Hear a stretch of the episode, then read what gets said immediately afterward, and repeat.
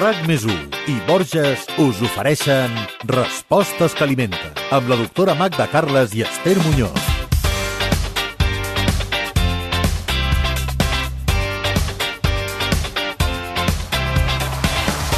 Segur que heu sentit parlar de l'andropausa. Aquest és un tema poc popular, però el cert és que alguns homes passen per una etapa a partir dels 40-45 anys que es caracteritza per un descens dels andrògens. És un fet lent, gradual i que té cert paral·lelisme amb la menopausa, si bé no és ni de lluny el mateix. Tampoc afecta a tots els homes de la mateixa manera.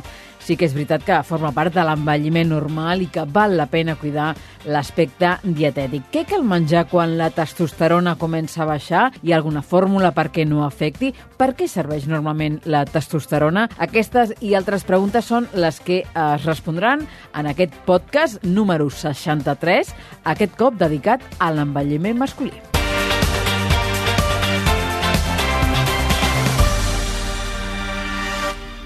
Magda Carles, fa aproximadament un mes parlàvem de la menopausa i en És acabar veritat, és veritat. dèiem hem de parlar també dels homes. Exacte, exacte.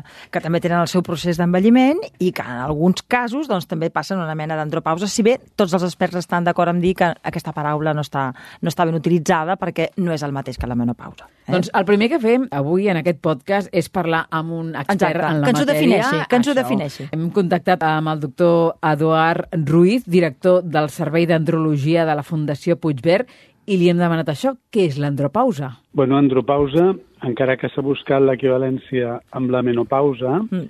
no és exactament igual, Sí, sí. perquè la menopausa té una definició clara, que és la pèrdua de la menstruació femenina.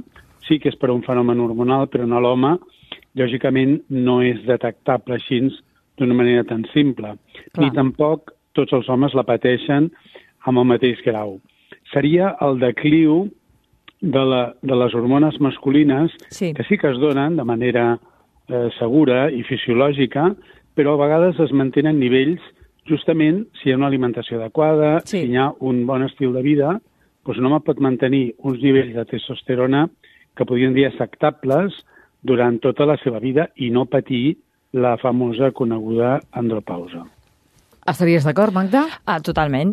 És a dir, sí que és veritat que el nom s'hi sembla, però no és exactament el mateix. Sí que hi ha aquesta pèrdua de, molt petita d'hormones que pot ser-hi, però ni a tots els homes passa ni de la mateixa manera. Però és interessant parlar-ne, perquè es parla molt més, Esther, estaràs d'acord, de l'envelliment femení que del masculí. Totalment, sí, És sí. dir- És que dels homes eh, gairebé no. No se'n parla, no d'això. sentim a parlar. No sé per què, però sempre de menopausa en parlem sempre, dels problemes de a partir dels 50 anys, doncs penso que hi ha molta literatura, però en canvi per la part masculina és com que aquesta etapa de la vida no... no... És perquè ells mateixos no treuen el tema, que, eh, que és el que ens diferencia o què? Bueno, uh, jo he llegit uh, que hi ha molta més... És molt més fàcil que una dona, quan comença a sentir-se malament per l'edat, ho consulti que no pas un home. És a dir, que nosaltres som més extrovertides en aquest, en aquest sentit, no? Uh, L'andropausa o, o climateri masculí, també es Exacte. fa servir aquest terme. Sí, que jo trobo més encertat, climateri, perquè climateri és tot el que, el que, el que està entorn a canvis hormonals, no, no, no és allò que pari la, la producció d'hormones, que a més tampoc seria exacte, no? No s'atura de cop, No, no, baixa. no, no, no, i també és que tampoc és veritat que s'aturi, no? El que s'atura en el cas, en, la, en el cas, diguéssim, en el cas lo- femení, sí que és veritat que hi ha una, una que la regla deixa, deixes de tenir-la. Això és una altra història. Desapareix. Que això desapareix, però que no és el cas masculí. Per això jo deia que encara que andropausa i menopausa s'assemblen els noms, no té res que veure. No té res que veure. Són, te- són coses diferents. Són coses diferents. Uh, forma part de l'envelliment, però són coses diferents. I pel que fa a símptomes, també són diferents? N'hi ha de semblants? A veure, la, els homes que pateixen, eh, diguéssim, aquesta baixada d'hormones que els hi provoca símptomes, que no és amb tots ni molt menys, doncs també poden tenir eh, que dormen pitjor, que es concentren menys, que perden, ma que perden massa muscular, que perden massa òssea... És a dir, hi ha tots uns criteris mèdics, que es diuen, els, els, els que es diuen Adams, no? Sí. que segons quants criteris d'aquests compleixes, doncs eh, es pot dir que passes passant per l'andropausa o no. Però repeteixo, la diferència és que ni a tots els homes els hi passa, ni el que els hi passa eh, passa de la mateixa manera, amb la mateixa intensitat. No, no sabem, no?, el tant per cent de la població masculina... Seria interessant saber-ho, no? Això estaria bé, eh? El que sí, i a més ens ho ha dit el, ens ho ha dit el, el doctor, no? doncs que realment hi ha una baixada fisiològica, clar, no, no és la mateixa testosterona d'una persona de 55 anys que d'un noi de 30, òbviament, però que es pot mantenir en molts homes amb uns nivells doncs, molt, molt fisiològics molt bé. Això és veritat. Tenen també osteoporosi els homes? Doncs és el que ha dit ell, no? que quan eh, realment aquesta baixada de- d'estrògens andrògens és marcada, doncs sí que pot haver-hi un fenomen de, també d'osteoporosi. És a dir, hi ha alguna sintomatologia que, és, que, que s'assembla, eh? que s'assembla. Uh -huh.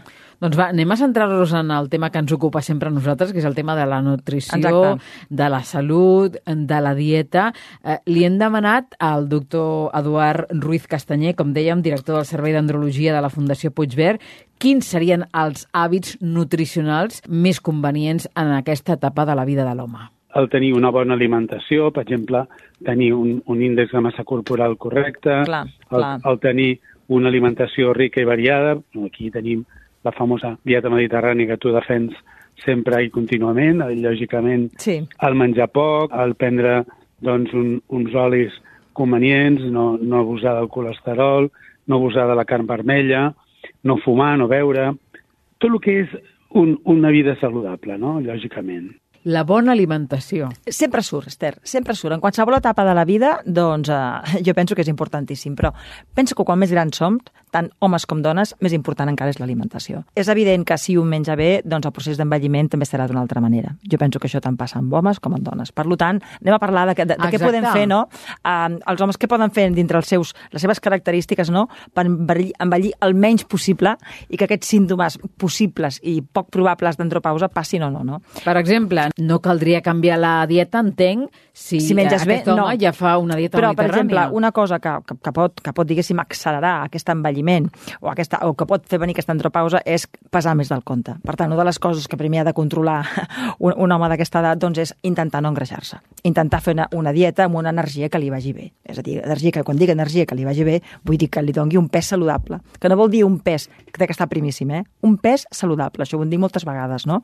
Un pes que estigui bé un pes que vol dir que té una, una quantitat de greix que és sana per les seves característiques i per la seva edat. Vosaltres veieu a la clínica homes que s'engreixen Sí, quan arriba sí, aquesta... sí, sí, sí, sí. em, que, Sí, que fan que canvis eh, importants de pes, sí? Els homes també tenen més tendència, com, com més, evidentment, el metabolisme també baixa, aleshores, quan més grans són els homes, més tendència tenen a engreixar-se, això, és, això és evidentíssim, no? També Però- perquè hi ha a vegades uns canvis de, hi ha uns canvis d'activitat física, però és veritat que hi ha més índex de sobrepès en persones de 55 anys que no, que no de 35, això és obvi, eh? Clar. I en el cas de- d'haver de, de baixar l'energia de la dieta, com s'hauria de fer això? Com, com hauria de ser aquest procés? Clar, primer, a veure, una cosa, tu pots fer una dieta que sigui equilibrada de nutrients i de- i- i d'elements i d'ingredients, però que tingui massa energia. Doncs, per tant, s'ha de mirar què menges i en quina quantitat.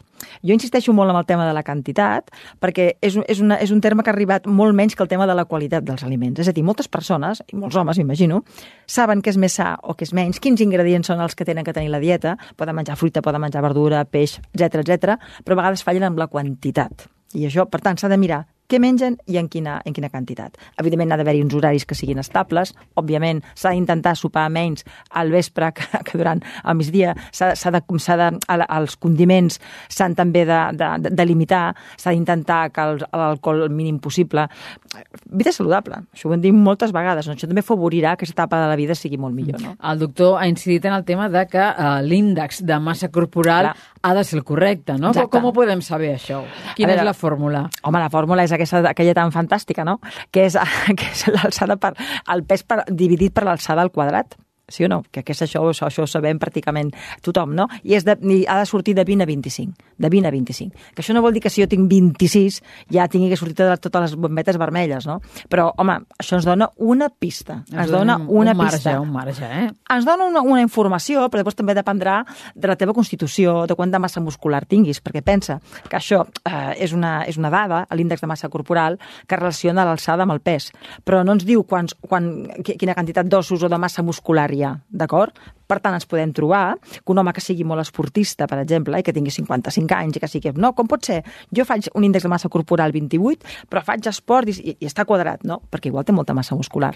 Per tant, jo sempre dic que ha d'haver-hi l'índex de massa corporal i ha d'haver-hi una, una, una impedància. És a dir, eh, s'ha de mirar quin, quina quantitat hi ha en el compartiment ossi eh, i greixós. El problema, Esther, sempre és que hi hagi més greix del compte en el nostre cos.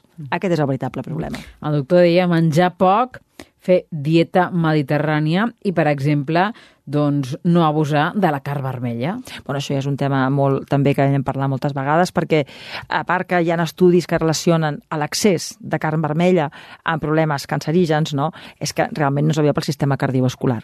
I recordem que de què es mor l'home adult, i la dona adulta també, eh, a partir dels 50 anys, doncs de, de malalties cardiovasculars. D'acord? Uh, quin és l'enemic de les artèries? Malaltia cardiovascular vol dir malaltia del cor i de les artèries, d'acord? Uh -huh. Quin és, quins són els enemics, els factors de risc d'aquests dos elements del cos? Doncs mira, el tabac, el tabac, el sobrepès i l'obesitat, per això insistim tant que la massa, l'índex de massa corporal sigui el que ha de ser, el colesterol massa elevat, és un altre camp de batalla també, l'estrès, no? l'estrès també, i una possible diabetes. Això és, són factors que matxaquen les nostres artèries i que faran que hi hagi molta més malaltia cardiovascular. Per tant, una manera, però jo deia, el primer és tenir una dieta que realment ens proporcioni un pes adient a la nostra edat i la nostra complexió física. I quins aliments tu creus que convé eh, que inclogui aquesta, aquesta dieta? Evidentment, eh, si estem dient que eh, la malaltia cardiovascular és la primera causa de, de, de mort, no? no oblidem, per cert, ja que estem parlant d'homes, que la funció sexual dels homes també està molt relacionada amb la salut cardiovascular. Eh? Això és així. Què per succeeix? Tant, què succeeix? Clar, bueno, llavors què passa? Doncs que ens interessa prendre fruites, verdures, oli d'oliva, peix blau, fruits secs, evidentment, i, i a veure, l'energia continguda de la dieta. No, no, no, no fer excessos.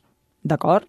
O sigui, jo penso que això és una dieta que sigui molt vegetariana, no vull dir només vegetals, però que n'hi hagi molts de vegetals, fruit i verdura, evidentment, cada dia, i després greixos cardiosaludables, que això ens ho poden donar els fruits secs, el, el, el, el, el peix blau, lògicament, i els llegums sense anar més lluny, no? Vindria a ser el mateix que, que, que les la dieta dones. Medita... Clar, mateix, sí, sí. clar, perquè no oblidem que les dones a partir dels 50 anys també tenen el mateix risc cardiovascular, justament pel canvi hormonal que tenen que els mm. homes. Per tant, doncs, cuidar les artèries és cuidar la salut general del cos. Eh? El doctor incidia en el paper de l'oli. Sí. Eh, deia um, utilitzar bons olis. Evidentment, olis cardiosaludables. I aquí tenim el més cardiosaludable que tenim a la base i, de més, és totalment de proximitat, que és l'oli d'oliva. No? Per tant, això ho tenim molt, ho tenim molt fàcil nosaltres, mhm. cuidant-ho. Um, recordo el dia que vam parlar de la menopausa també que tu ens recomanaves doncs, això, fer més àpats durant el dia. En el cas dels homes, eh, aquesta també seria una bona estratègia, Magda? Sí, clar, repartir els àpats vol dir que no tindràs mai tanta gana, però sobretot tinguent en compte sempre horaris regulars i el que és la nit, menjar el mínim possible que és una cosa que no es fa, eh? que estem en un país que sopem molt tard i molt. doncs, eh, diguéssim, avançar aquest sopar abans de les 9 de la nit jo crec que és del tot intel·ligent. Uh -huh. A les 9 tothom, tothom tindria que haver sopat ja, -huh. cosa I que no, que no fem. Eh? Una de les coses que, que hem comentat abans, el tema de la osteoporosi, que també la pateixen els homes, per cuidar-nos, per protegir-nos, eh, si som homes, en aquest sentit, com hauríem de fer-ho? Home, doncs, és, doncs és important una activitat física, perquè recordem que no hi ha res pitjor pels ossos que el sedentarisme, evitar el sobrepès perquè és una sobrecàrrega claríssima per les, per les articulacions i, i, i pels ossos, i fer una dieta que hi hagi suficient calci i radiació solar suficient. Això també perquè ja saps tu que la vitamina D és la clau que obre la porta del calci als ossos, no? Per tant, vitamina D i calci a la dieta. Com obtenim aquest calci? Com obtenim aquest aquesta calci, vitamina sabem, D? Sabem que, la, sabem que la, el, el, el, el calci, sobretot, els làctics són una molt, molt bona font de, la, de, de calci, però no és l'única, eh? No és l'única. Quan, quan parlem del làctic, eh, tant és llet, eh, que iogurt, que formatge... No és exactament el mateix, però són bones fonts, d'acord? I dintre els formatges hi ha moltes... Hi ha, ja, o sigui, els formatges són molt diferents d'aport amb calci. No és el mateix el calci que porta un formatge de, mm, fresc de Burgos, per exemple, que un parmigiano o un emmental. No té res a veure. El formatge s'ha de dir que quan més sec i més dens, més calci aporta. Això és així. I quan més fresc i més aigua té, menys calci aporta. Per tant, a l'hora també de triar els formatges també val la pena que, que, ho, que, ho sapiguem, això, no? Llet i iogurt, en quant al tema calci, és bastant semblant. Recordant sempre que la lactosa és un coadjuvant de l'absorció del calci, que això, que això també és interessant de saber, no? Uh -huh. la... Dues coses més que ha dit el doctor Eduard Ruiz Castanyer, director del Servei d'Andrologia de la Fundació Puigverd. No fumar, això és essencial, essencial. És que el tabac, tots coneixem els, els problemes que té, no? Però és que a més també altera molt el sistema cardiovascular, l'endoteli i les artèries. Per tant, això als homes tampoc els interessa gens. O sigui, en el sentit, jo mm, continuo dient, uh, la, la funció sexual en el fons és un tema cardiovascular, no? És, és un tema d'artèries també. Doncs, home, ens interessa tenir les artèries en plena forma si, si volem envellir poc en aquest, en, en aquest sentit. Per tant, poquíssim alcohol i no fumar.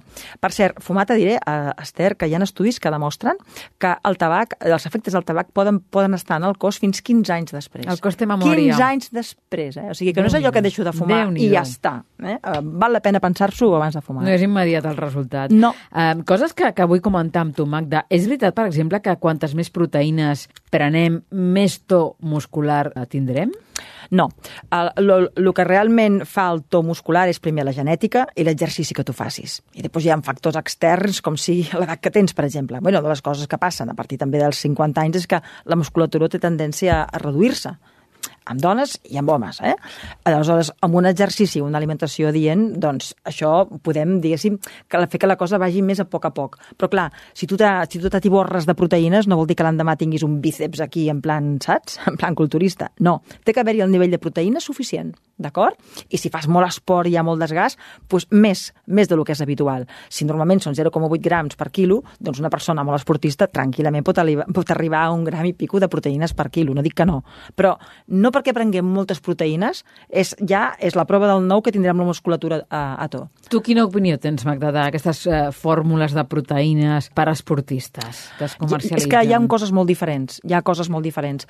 Uh, hi ha complexes proteics que són, doncs mira, són un complement nutricional que poden ser interessants, i hi ha coses que són del tot excessives i poc recomanables.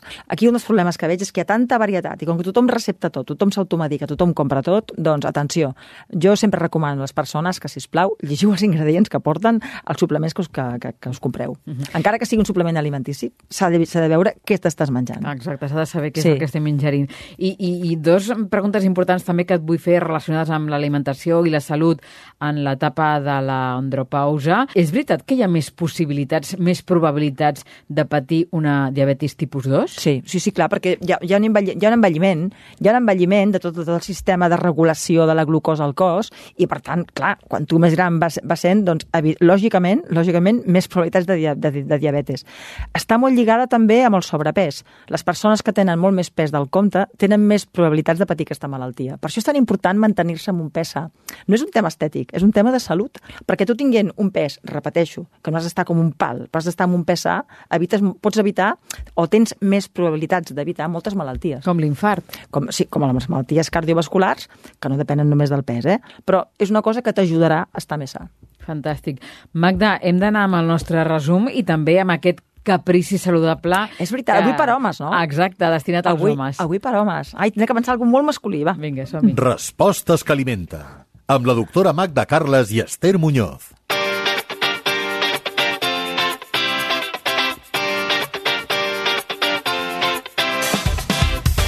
Per on vols començar, Magda? Pel caprici saludable pels homes, eh, en etapa d'andropausa, o, o pels consells eh, da, a da, nivell general? Mira, jo, jo diria, el que, lo que no podem oblidar del tema d'avui, que és complexa, eh? És complexa. Primer, que andropausa, pel que veiem, Esther, és un terme mal utilitzat.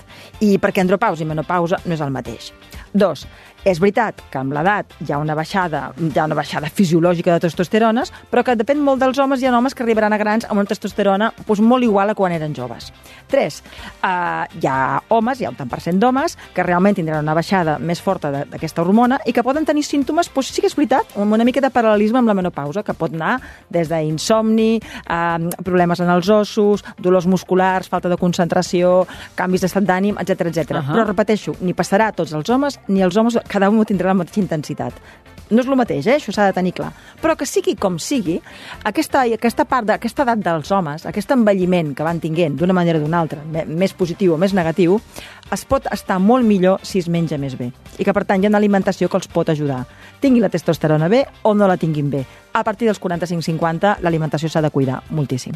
I què han de fer? Doncs mira, jo crec que seguir els consells de dieta equilibrada que diem aquí sempre i seguir una dieta mediterrània doncs, raonable, intel·ligent i adient als seus gustos. I amb algun caprici de tant en va, tant, no? Va. Sí, mira, jo sé que als homes els encanta això de l'hamburguesa. Esther, Sí. És cert o no? Sí, sí, sí. Són tan carnívors, són tan, molt més que nosaltres. Escolta, doncs mira, jo els hi aconsello que facin que amb pit de pollastre, que ja, ja ronzaran el nas, que diran quina cosa més seca, sí, clar, tu fas amb pit de pollastre, tu pots que et piquin el pic de pollastre de, de bona qualitat, uh -huh. tu el barreges amb pebrot del piquillo, val? amb pebrot del piquillo i fas com una massa vermella i amb, i amb, el, i amb el pollastre. Molt val? bé, sí. Um, I poses també una mica d'oli, i poses una mica de pebre, d'acord? I, i poses, si tu vols, una mica de sal, poqueta, perquè ja sabem que la cosa cardiovascular, doncs tant. No convé la sal. No convé. I fas això, ho fas, ho fas de la planxa. Et quedarà una hamburguesa de pollastre magnífica, perquè el piquillo dona un gust molt, molt especial. I també sabem que als homes els encanten les patates fregides. Però jo els hi proposo que facin patates, si, si tenen la paciència, eh, que agafin aquells aparells que són per tallar patata fina, uh -huh. val? Les tallin molt fines, molt fines, molt fines, agafin una safata per anar al forn, que això en tenim a totes les cases, posin una mica d'oli d'oliva a la base i posin aquella patata a gratinar. Que bona! els hi quedarà patata fregida, però molt menys energètica que la clàssica de fregidora o de la paella. Hamburguesa amb patates. Què us Fantàstic. sembla? Escolta'm, estic pensant que d'aquí 15 dies podríem parlar de la patata. Mira, m'ho poses a... Vaja, molt a bé. safata, eh? Gran aliment, gran aliment. Doncs vinga, ens retrobem en 15 dies. Vinga, fins aleshores. Adéu-siau. Adéu-siau. RAC més i Borges us han ofert Respostes que alimenten amb la doctora Magda Carles i Esther Muñoz.